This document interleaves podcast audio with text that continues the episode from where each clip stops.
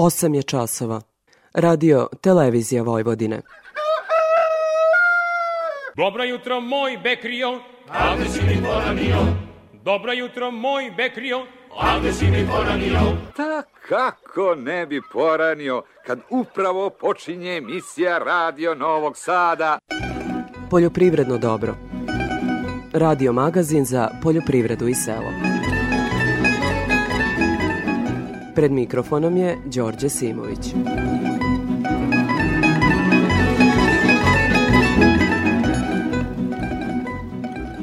Poštovni slušaoci, dobro jutro. Oni koji imaju bilo kakvu konekciju sa novinarstvom znaju da nije nužno da novinar nešto zna, već da zna ko to zna.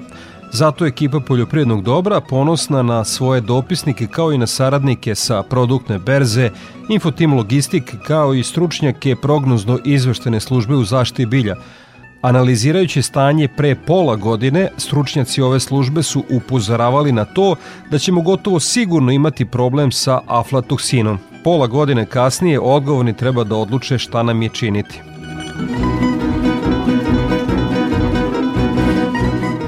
Poljoprivrednici bi trebalo što bolje da se pripreme za prestojeći IPAR 3 program kako bi iskoristili što više novca koji će biti na raspolaganju, što nije bio slučaj sa IPAR 2 programom koji se privodi kraju, poručeno je sa skupa retrospektiva IPAR 2, najava IPAR 3 programa uz primere dobre prakse koji je organizovala Prirodna komora Vojvodine.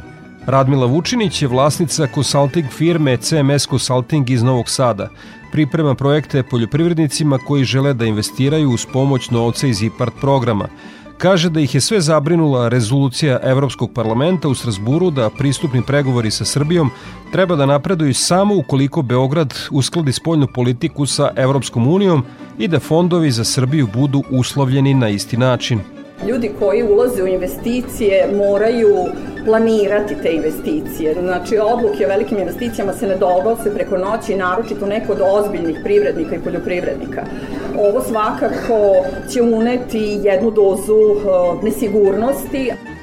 U minuloj sedmici obeleženo je 75 godina uspešnog rada poljoprivredne škole u Futogu. Ovim povodom otvorena je savremena farma svinja, čiju izgradnju su pomogli bivši učenici i donatori – Posao je uspešno vodio od projektovanja do opremanja bivši učenik ove škole profesor dr. Vitomir Vidović. Naša omladina koja ovde završi i ako ode da radi u praksu, s, bit će spremna dakle, da, da radi bilo gde u svetu jer to su zaista najnovije tehnologije ili ako nastave da studiraju doće sa mnogo boljim predznanjem iz menadžmenta i ostalih aspekata ako recimo što se veterinara tiče vakcinacije, program vakcinacije, kastracije, preventive, terapije i tako dalje, ishrane. Emisija Kvadratura kruga autora Branka Stankovića se na radioteleviziji Srbije emituje već dve decenije. Mediji su preneli da je u oko hiljadu emisija stalo više od 2000 priča. To je bio povod za gostovanje ovog vrsnog novinara u našoj emisiji. Ja sam dugo mislio da je dobro ugašeno ljudima da je zamrlo u Srbiji, ali svaki put posle neke takve priče opet me iznenadi koliko ima dobra u ljudima i koliko još ima plemenitih ljudi koji nisu izgubili osjećaj za druge, za njihovu muku, bol, patnju, tugu. Jer kvadratura kruga nikada nije nametljivo kao neke emisije, ni pozivala ljude da pomognu, niti objavljivala račun, nego je samo išla na to buđenje važna misija da se to uspalano dobro koje nosi svaki čovek, ko što nosi delo i zlo, probudi u ljudima.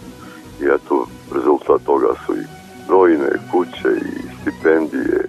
Vaše sugestije su svakako dobrodošle, pa vas pozivam da nam pišete na e-mail adresu dobro.rtv.rs ili da nam svoje komentare ostavite na društvenoj mreži Facebook u grupi Poljoprivredno dobro. Toliko uvodu slušamo Dženana Lončarevića i pesmu Odavno. jednu riječ Neka bude iskreno. Prislutim odavno Kraj. Zar i nama da se desi da Ostani tu gdje jesi? Još nije prekasno. Odavno živim bez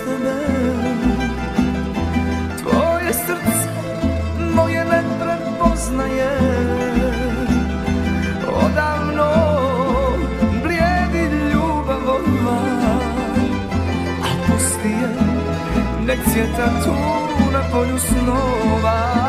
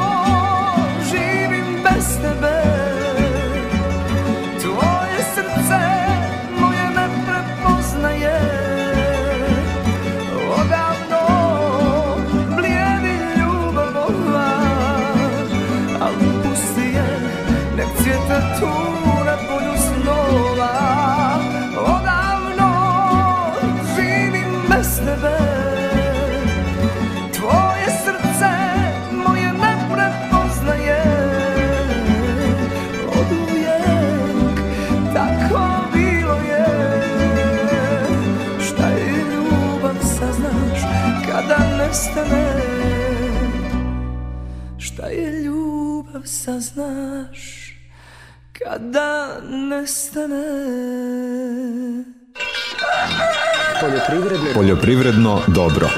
Radio Novi Sad.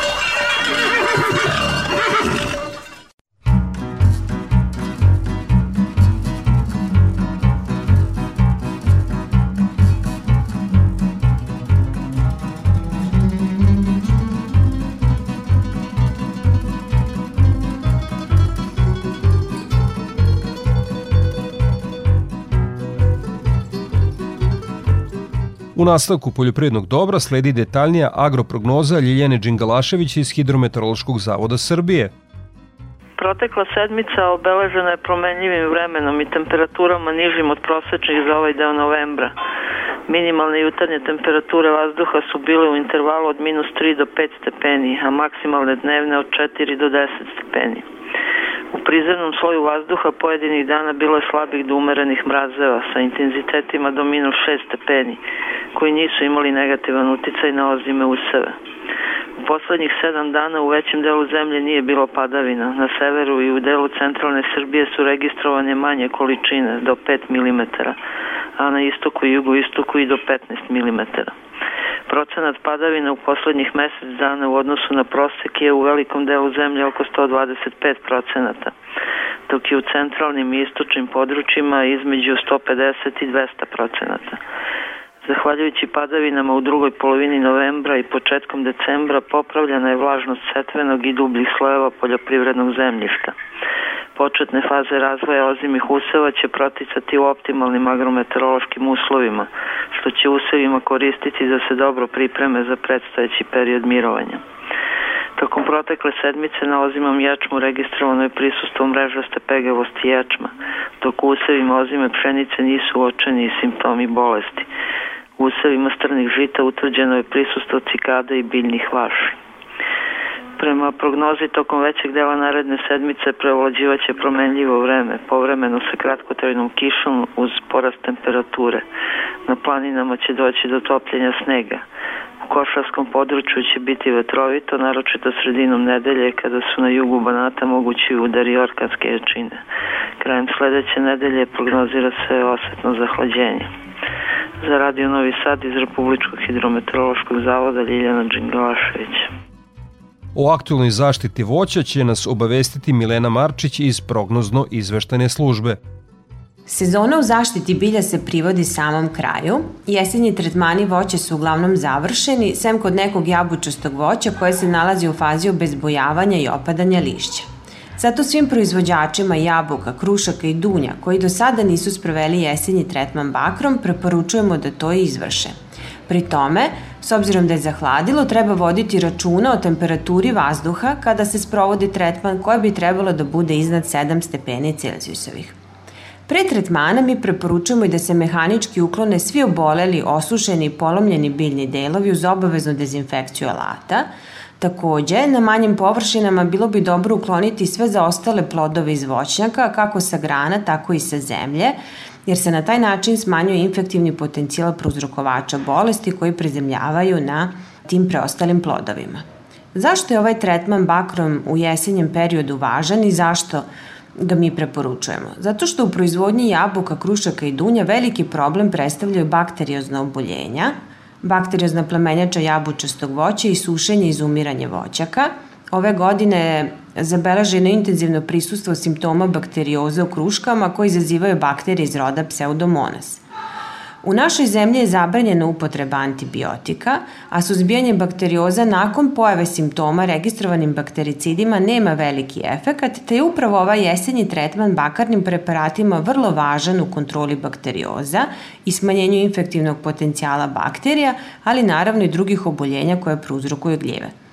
Takođe, mesta na kojima otpadne list predstavljaju ulazne otvore za patogene, te je važna i dezinfekcija nastalih hrana bakarnim preparatima – Pored toga, bakar je dozvoljen u organskoj proizvodnji, on utiče i na bolje odrvenjavanje mladara koji pripremljeni ulaze u zimu. Značajan aspekt je svakako i finansijski, bakarni preparati nisu skupi, u svakom slučaju preventiva je ključna u kontroli prouzrokovača bolesti, ne samo kod biljaka, već uopšte i zato je ovaj jesenji tretman preparatima na bazi bakre veoma važan i višestruko koristan. Iz prognoza izveštene službe za zaštitu bilja Milena Marčića. Slušamo Marinka Rokvića i pesmu Polomio vetar grane,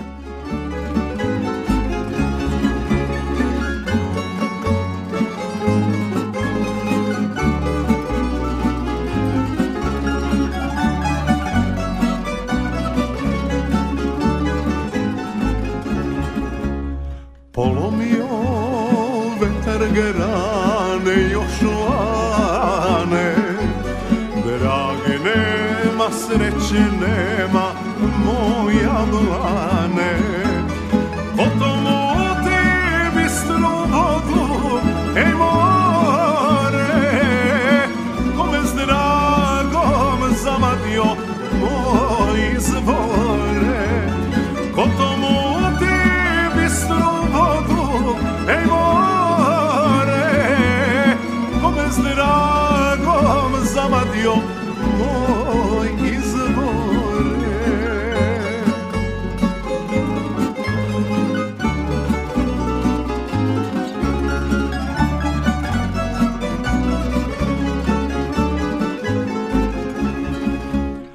Sada rekom suze teku protiču I sa njom mi moji snovi teku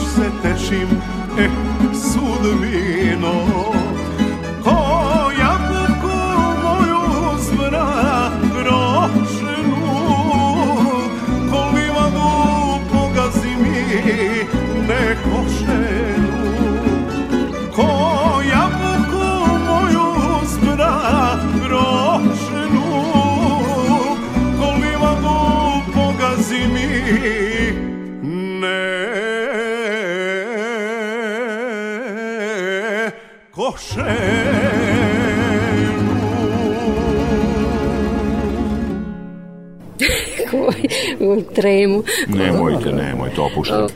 Poljoprivredno dobro opušta.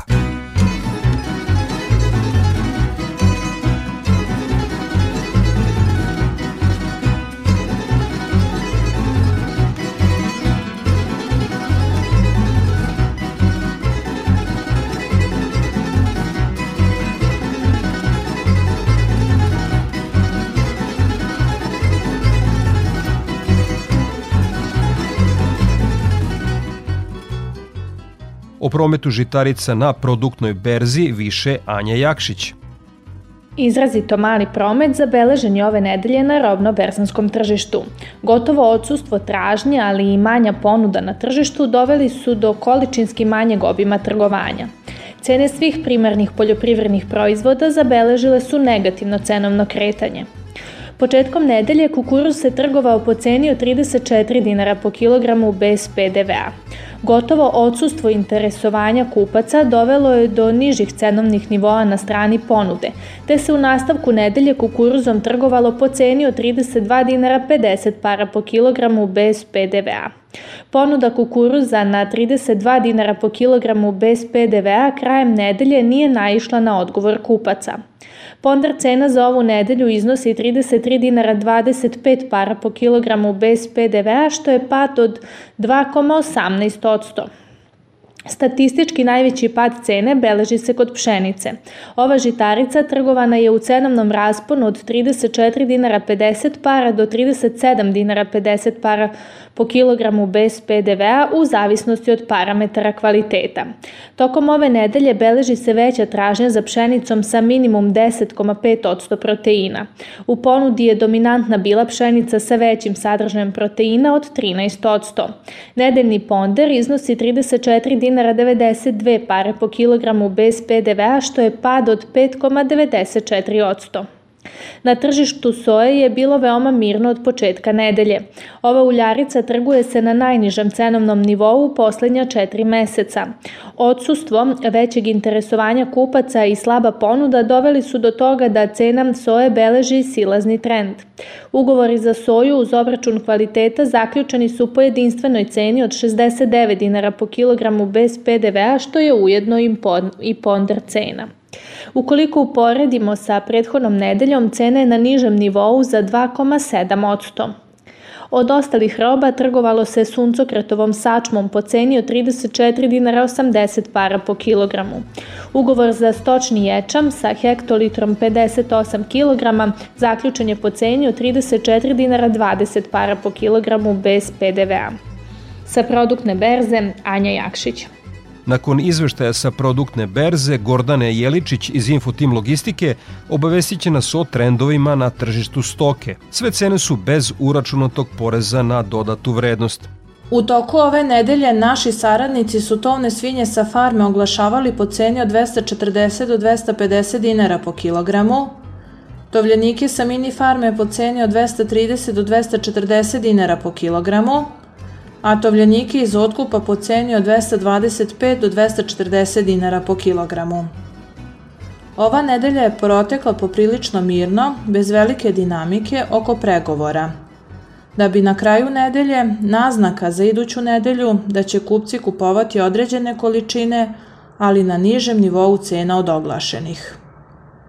Ponuda jagnjadi oglašena je po ceni od 320 do 370 dinara po kilogramu, a ovce za klanje su nuđene po ceni od 155 do 166 dinara po kilogramu. Nivo oglašenih cena u ponudi se nije menjao u odnosu na prethodnu nedelju, Najviše interesovanja kod kupaca ove kategorije stoke imaju jagnjat u oči predstojećih praznika. U toku nedelje prasaca farme su se oglašavale po ceni od 370 do 400 dinara po kilogramu, a prasaca mini farme po ceni od 336 do 380 dinara po kilogramu, a prasad iz otkupa po ceni od 324 do 330 dinara po kilogramu. Iako su ponuđači oglašavali više nivoje cena u ponudi, pregovori su se pravili na niži nivo cena. Još jedna kategorija stoke koja je tražena u ovom delu godine su krmače za klanje. Slaba je operativnost robe na terenu, nivo oglašenih cena bio je od 195 do 212 dinara po kilogramu, koliko smo saznali sa terena, trgovanja su bila na nivou cena 200 dinara po kilogramu. Ponude bikova Holštajn oglašena je po ceni od 300 do 335 dinara po kilogramu, a bikova simentalaca po ceni od 326 do 360 dinara po kilogramu. Po rečima ponuđača, interesovanje za ovu kategoriju stoke postoji. Cene su izražene bez PDV-a. Za Radio Novi Sad, Gordana Jeličić iz Infotim Logistike. Slušamo Željka Samarđića i pesmu Da me nije, pa u temi emisije analiziramo IPAR 2 i govorimo o tome šta nas očekuje sa programom IPAR 3. Otkad otišla si s drugim, imam želju da me nema, mrzim svako novo jutro, što bez nas se porađa. Nigde druga, nigde brata, radost ne kuca na vrata, Već odavno mi se ništa lepo i ne događa. Da me nema možda niko ne bi zaplakao za mnom. U toj priči koja traje ja sam zaboravljen lik Ali život ide dalje, šudne razloge mi šalje Da na malo sreće ima pravo čak i gubitnik Da me nije redom bi sve kampane propale Kom bi pesme pevali, kom bi zore svitale Da me nije ko bi te kao oči voleo S taksistima kružio, tuđe žene ljubio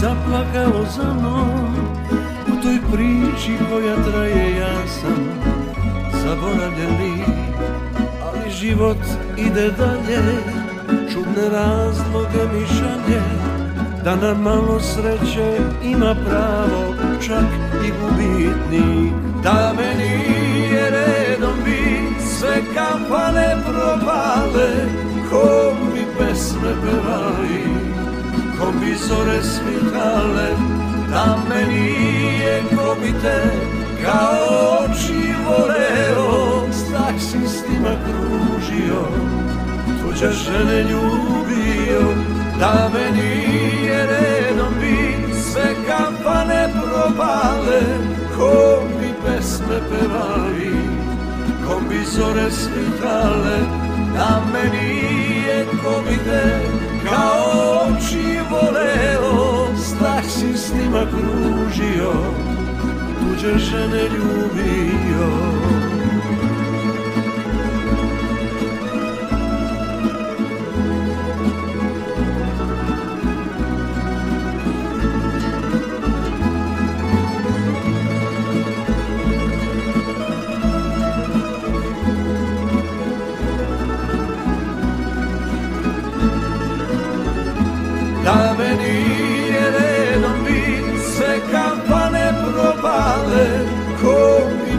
pesme pevali, ko bi zore svitale Da me nije ko vide kao oči voleo Strah si s njima kružio, tuđe žene ljubio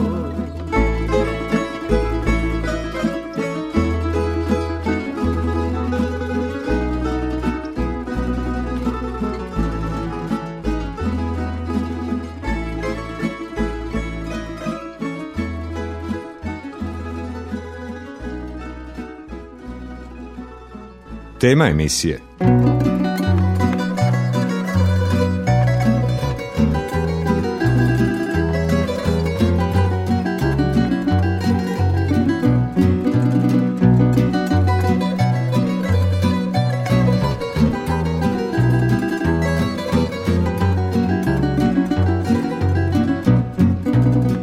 Poljoprivrednici bi trebalo što bolje da se pripreme za prestojeći IPAR 3 program kako bi iskoristili što više novca koji će biti na raspolaganju, što nije bio slučaj sa IPAR 2 programom koji se privodi kraju. Poručeno je sa skupa retrospektiva IPAR 2 najava IPAR 3 programa uz primere dobre prakse koje je organizovala Privredna komora Vojvodine.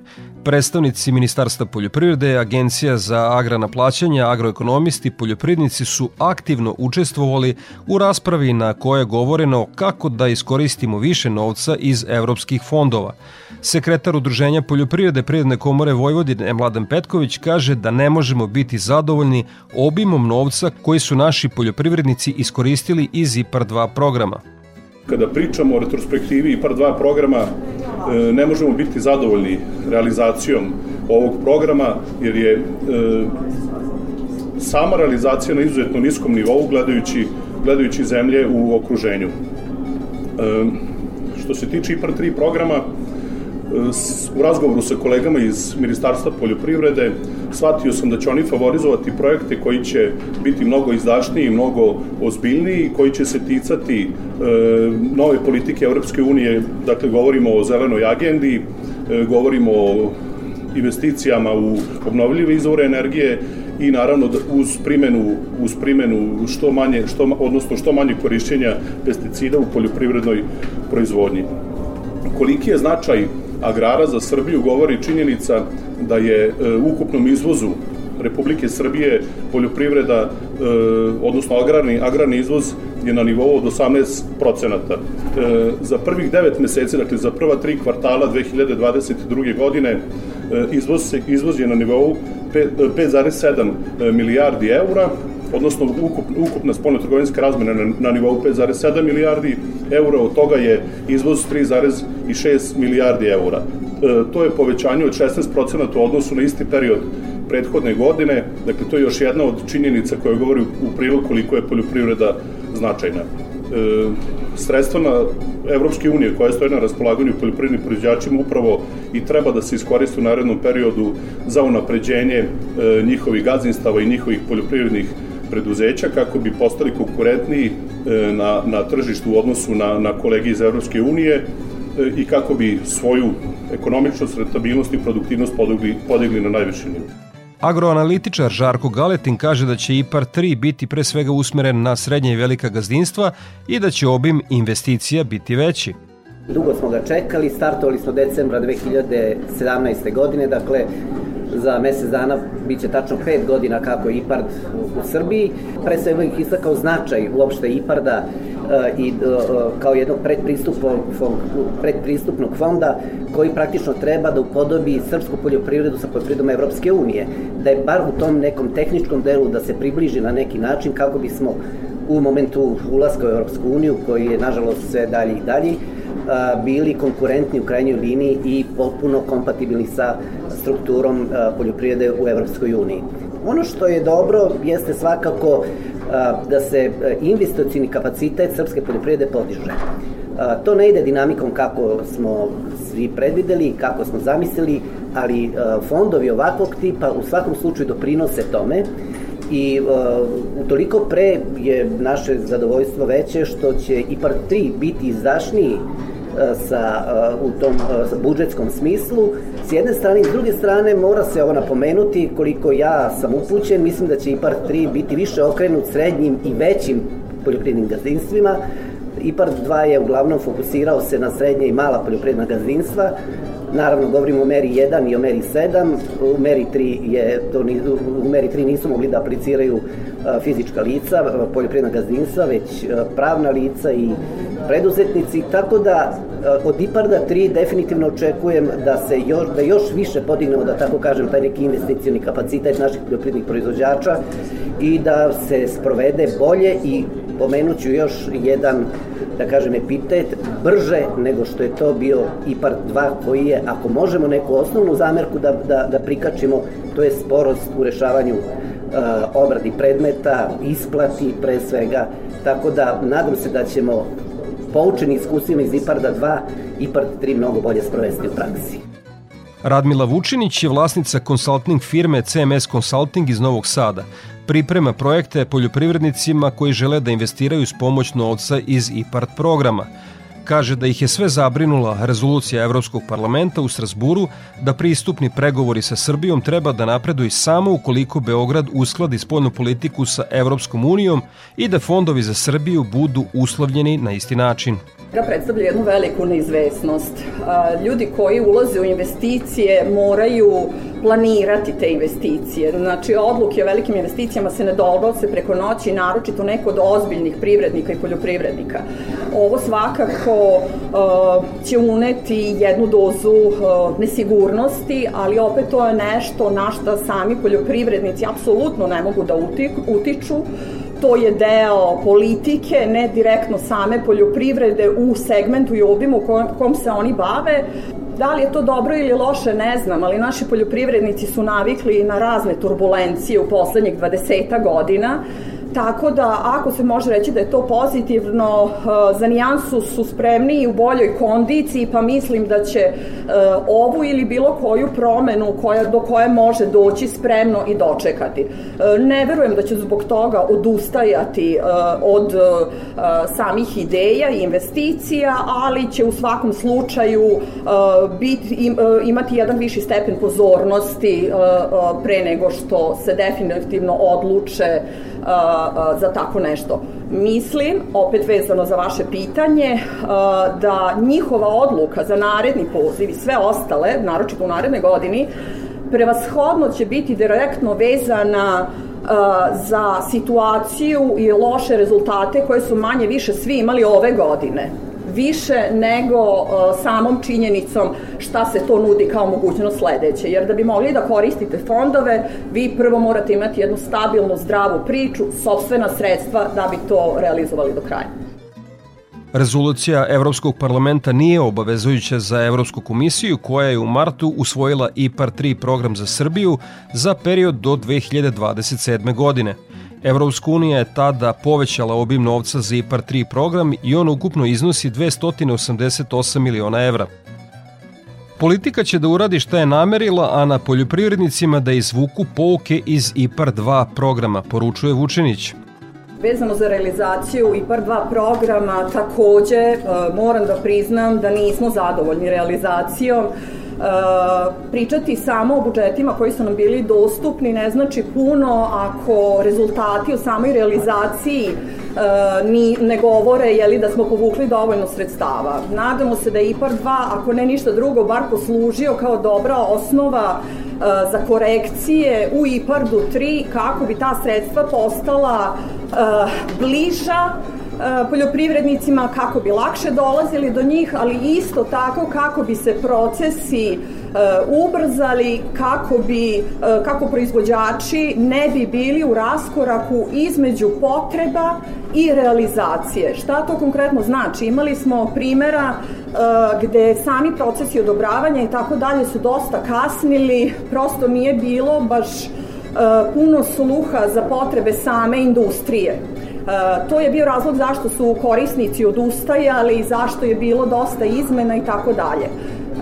Trudimo se da učestvujemo u komunikaciji sa ministarstvom, sa kolegama, da pomognemo i da doprinesemo u procesima donošenja odluka, ono čemu se ja iskreno nadam u budućem periodu kroz IPAR 3 Jelija i kroz dalju saradnju, a to je da će se glas poljoprivrednika čuti više, da će biti više sluha za njihove probleme, za ono s čim se oni realno susreću na terenu, a posle ovakve godine, ovakve suše, ovakvih problema, izazova je više nego dovoljno koji nas čekaju, tako da jedino zajedno verujem da možemo postići nešto. U odnosu na IPAR 2, IPAR 3 će uključiti mere gde će korisnici biti i lokalne samouprave. Za IPAR 3 program pripreme traju od 2020. godine, a prvi pozivi biće upućeni do kraja prvog kvartala naredne godine, rečeno je na stručnom skupu u Privrednoj komori Vojvodine. Toliko u temi emisije slušamo Halida Bešlića i pesmu Ja bez tebe ne mogu da živim.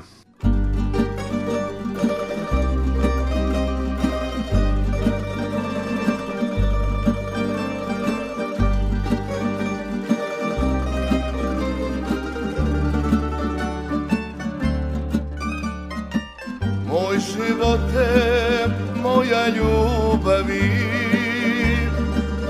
Sunce se u suzi udavi Pa se spusti noć ko sudbina. Da te sanjam, da te dozivam.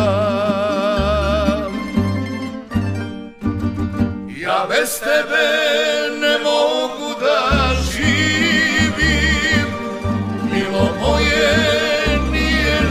se dalo Da se u tvom zagrljaju smirim. Sve sa tobom bilo mi je malo. Ja bez tebe ne mogu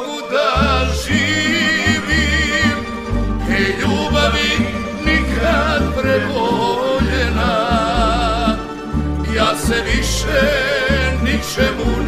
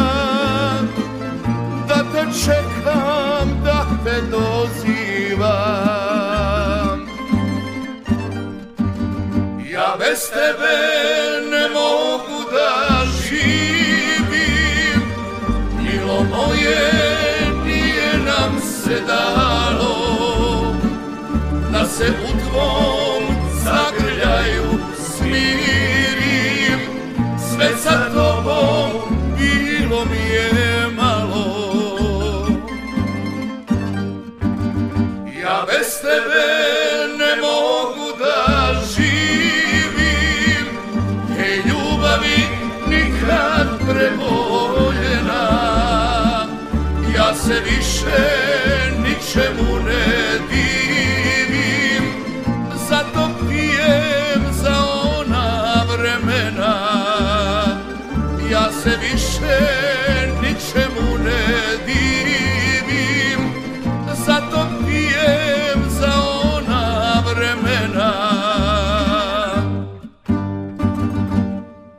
Poljoprivredno dobro. Radio Novi Sad.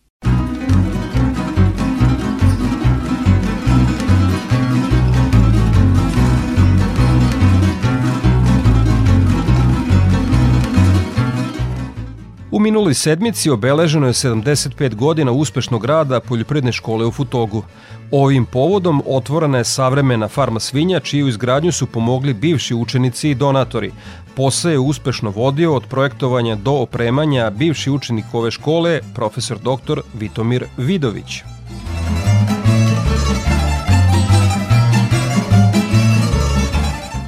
Dakle, veliki jubilej, 75 godina srednje poljoprivredne škole u Futogu, a jubilej neće biti samo formalni, pošto je ovde otvorena savremena e, farma svinja. E, idejni tvorac cele ideje, profesor e, Vitomir Vidović, recite nam kako je sve teklo od ideje, realizacije i šta je cilj?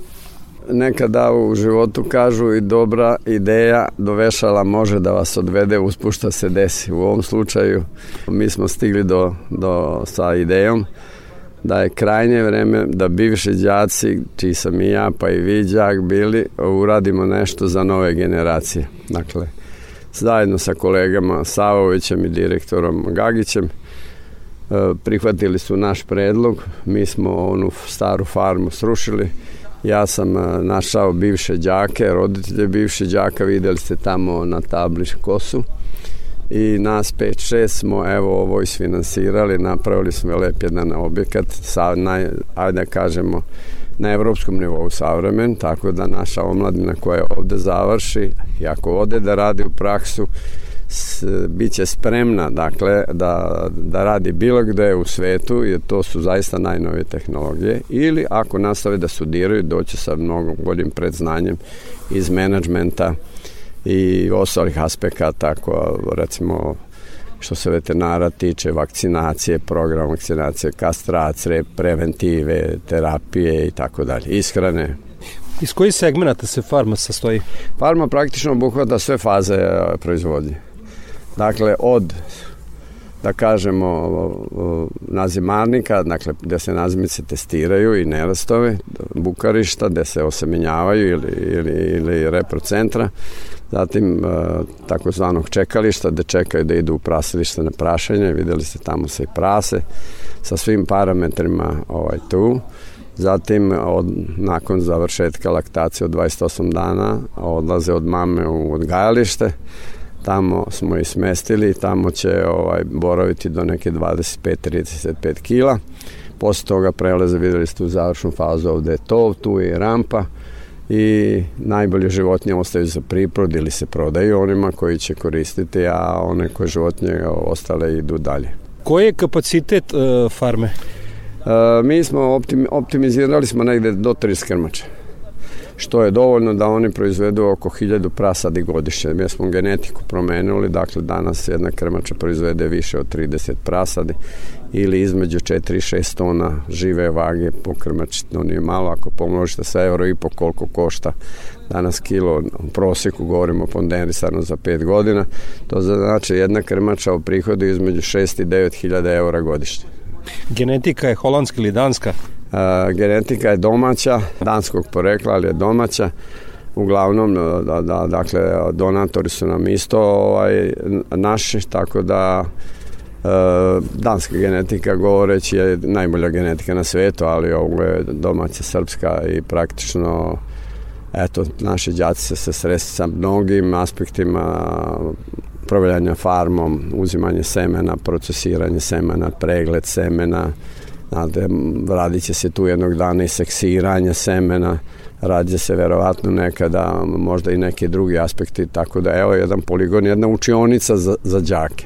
Vrlo je zanimljivo, ovo je radio, nije televizija, ne može da se vidi, ali ceo objekat je e, automatizovan. Spomenite i te segmente i koliko je to bitno za savremenu e, svinjarsku proizvodnju?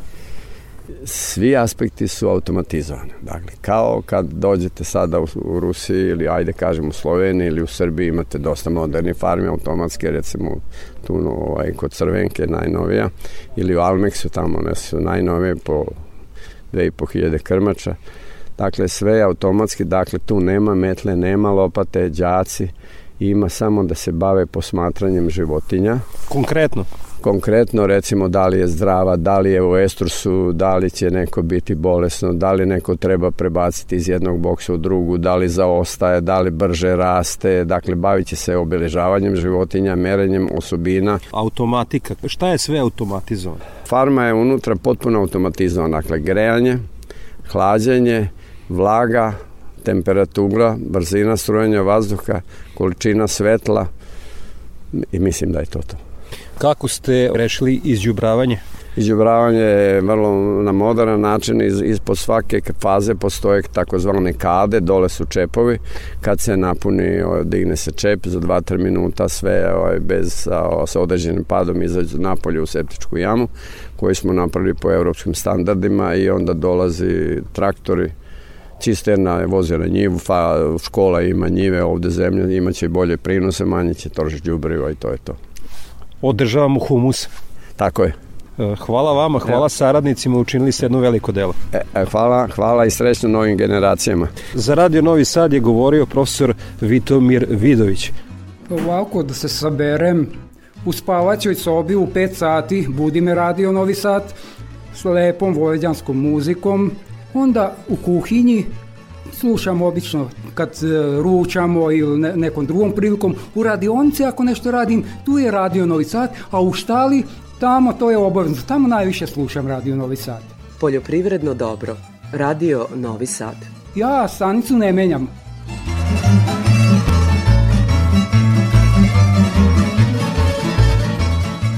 Emisija Kvadratura kruga na radio televiziji Srbije proslavila je 20 godina emitovanja. Mediji su preneli da je oko 1000 emisija stalo u više od 2000 priča. Kao redovalan pratilac godina sam autoru Branku Stankoviću kada se ukaže prilika nameravao da kažem svaka čast majstore na svemu. A sada je upravo to, kolega naklon do zemlje. Pa hvala ti kolega, zadovoljstvo je kada kolege skinu kapu i odaju priznanje i mislim da su me to najveća priznanja od onih brojnih koja su do sada stigla na moju adresu i na moj ime. I ovih dana ste aktivni, a upravo ste e, snimili serijal emisija i o Vojvodini, o čemu se zapravo radi. Ja sam prošle sedmice završio jednu onako obimnu priču o Vojvodini koju sam mnogo zahtjevno i široko postavio i nazvao je Vojvodina u hiljadu slika i 20 priča, a koja ne može naravno stati u jednu emisiju, nego će biti dve i ako ne poremeti ovo svetsko prvenstvo u futbolu, prva bi već trebala da bude 17. decembra, a druga 24. Obišli smo sve ono što čini Vojvodinu, velike znamenitosti i ono što čini dušu Vojvodine, naravno i od Srema i od Bačke i, i Banata.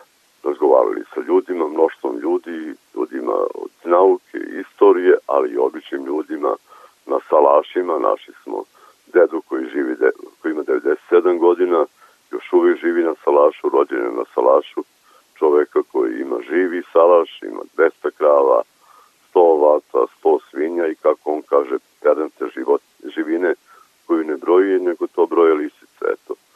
To je ukratko ono što će biti, ali mnošto još obeležja i specifičnosti Vojvodine će se naći u toj emisiji. Da vas nema mnogoborne priče iz udaljenih seoskih sredina Srbije pa i regiona ne bi bile ispričane. Kako dolazite do sagovornika? U direktnom kontaktu sa ljudima do najboljih priča sam došao u susretu na terenu sa drugim ljudima. Neko od njih predloži. Ja sam, hvala Bogu, od onih ljudi koji još uvek nosi tu novinarsku intelektualnu radoznalost i onda tragom te neke inicijalne priče krenem.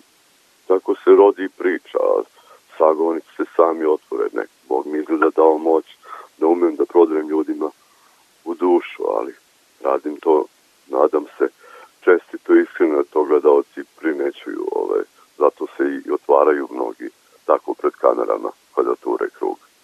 Mnogo priča ste ispričali, a koje su za vas one najvažnije? Pa najvažnije su one koje su me mnogo i potrošile. Traganje za istorijom srpskog naroda na Balkanu. To su one koje su me u tom jednom smislu istrošile, ali u emocionalnom smislu su me istrošile najviše priče o nekom malom Miliji Jeliću iz Radovića kod Mionice, koga pamte svi kao dečaka sa traktorom koji je danas odrastao čovek koji ima svoju decu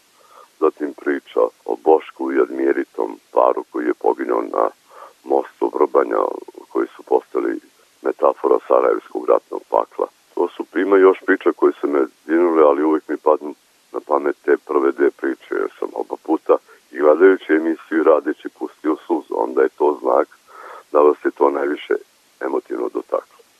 Sagovornike snimite, izmontirate, pa se to emituje na RTS-u. Šta dalje? Koliko se oni koji imaju spremni da pomognu onima koji nemaju? Ja sam dugo mislio da je dobro ugašeno ljudima, da je zamrlo u Srbiji, ali svaki put posle neke takve priče opet me iznenadi koliko ima dobra u ljudima i koliko još ima plemenitih ljudi koji nisu izgubili osjećaj za druge, za njihovu muku, bol, patnju, tugu. Jer kruga nikada nije nametljivo kao neke emisije, ni pozivala ljude da pomognu, niti objavljivala račun, nego je samo išla na to buđenje dobra u čoveku. To se budilo i mislim da je to ta važna misija da se to uspavano dobro koje nosi svaki čovek, ko što nosi delo i zlo, probudi u ljudima. I eto, rezultat toga su i brojne kuće i stipendije i tako dalje i tako dalje. Naravno, to je sve ostvoreno ne zahvaljujući kvadaturi kruga, nego pre svega dobrim ljudima koji su se samo uključili, a koje smo mi posticali na to dobro. Svedoci smo da selo u Srbiji kopni, kao i ostalom na celom Balkanu. Šta može da se učini da selo potpuno ne nestane? Razni su projekti i ima načina da se mladi, ne zadrženi, nego da se mladi dovedu na selo. Najpre infrastruktura koja je negde stigla, ali sa zakašenjem kad su otišli drugi. Postoji načini da se kroz razne projekte koje bi država osmislila i finansirala, ljudi vrate. Imate nekoliko primjera gde su došli mladi ljudi koji rade od kuće, ljudi ozbiljnih struka, od IT inženjera do elektroinženjera i koji žive u selu, jer im taj život prija. Takva nekoliko modela sela osmisliti i onda bi se to, onda bi to, nadam se, zaživelo u Srbiji, ali morate da obezbedite infrastrukturu odgovarajući. Nije to samo put, nego mnogo toga da imate i dobar internet, da imate u selu i prodavnicu i da imate i ovaj poštu i sve druge stvari i premeštati deo toga što je, kažem, i neka industrija što su nekad radili u vreme komunizma kao mini pogone u sela. I eto nade. Ali to je jedna dugoročna strategija i treba pametnu politiku voditi da bi se to moglo realizovati. Ali ne ga im neku veliku nadu da će se to brzo. Kada je krenula korona, ja sam verovao jer su neki počeli da se vraćaju na selo da uređuju za paložene imanja, da će deo ljudi ostati ili se vratiti kada osjeti taj dodir sa zemljom i drugačiji način života. Ali to je kratko trajalo. Evo za kraj razgovora e, sa e, sve jeftinim tehnologijama, razvojem interneta, doslovce svako dobio priliku da objavljuje za razliku od nekih starih vremena kada su par časopisa dnevnih novina, nedeljnih, na par televizije ili radio stanice samo oni najbolji mogli uh, da se pokažu. Dajte neku preporuku mladim kolegama novinarima kako da budu uspešni u tom poslu, da naprave priču od javnog interesa i da budu zanimljivi konzumentima te informacije. To najpre što si rekao, novo vreme stvorilo mogućnost da praktično danas ima svako svoj medij, a to nosi mnoštvo opasnosti. A preporuka mladima je da samo kopaju, tragaju, jer onaj ko traži naći će. Ne da se, da bude uh, da bude prepisivačka škola, da se oslanjaju na Wikipediju. Da bi ušli duboko, da bi priča imala i dubinu i širinu, mora da se čita, mora da se istražuje, mora da se kopa, mora da se nauči da se povezuju stvari da bi mogli da objeknete priču, da bi ostavili neki trag koji će ući ljudima u uši, da čuju nešto što je novo, a ne ono prepisivačka resavska škola, da jednu istu informaciju o istom događaju ili o istoj ličnosti vi čitate samo preoblikovanu na isti način u različitim medijama. Za mene je to šokantno i ja se trudim ponekad, ako sam radio priču koju je neko pre mene, ja se trudim da čak ne pročitam, da ne bi to uticalo na mene i da ne bi ostavilo traga da ne oblikujem na takav način. Eto, to je moj savet ukratko. Ako ga prihvate, mladima da je danas mnogo lakše kopirati, jer ovo je vek kopija, replika, a sve manje je originala. Ne treba da se trudi da budu originali i tako će njihov rad biti upamćen, zapažen i vrednovan. Bar se nada. Sagovornik u programu Radio Novog Sada bio je Branko Stanković, autor emisije Kvadratura kruga, a povodom dve decenije emitovanja emisije. Hvala vam puno na odvojenom vremenu za Radio Novi Sad. Hvala i vam, pozdrav za sve vaše slušalce. I za kraj emisije još jednom agroprognoza Ljiljane Đengalašević iz Hidrometeorološkog zavoda Srbije. Prema prognozi tokom većeg dela naredne sedmice prevlađivaće promenljivo vreme, povremeno sa kratkotrajnom kišom uz porast temperature. Na planinama će doći do topljenja snega. U košarskom području će biti vetrovito, naročito sredinom nedelje kada su na jugu Banata mogući udari orkanske jačine. Krajem sledeće nedelje prognozira se osetno zahlađenje. Toliko poštovani slušalci u ovom izdanju Poljoprednog dobra radio magazina za poljopredu i selo javne medijske ustanove Vojvodine. Naredni susret zakazujem za 7 dana uz podsjećanje da ovu kao i prethodne emisije možete da poslušate i odloženo na portalu Radio Televizije Vojvodine na adresi rtv.rs u sekciji Odloženo slušanje, kao i na zvaničnoj Facebook grupi Poljopredno dobro gde možete da ostavite svoje sugestije. Možete nam pisati na našu elektronsku adresu dobro.rtv.rs. Ja sam Đorđe Simović i pozivam vas da ostanete uz Radio Novi Sad. Vašoj pažnji preporučujem ekološki magazin pod staklenim zvonom koji je na programu na Konvestiju 9. Svako dobro!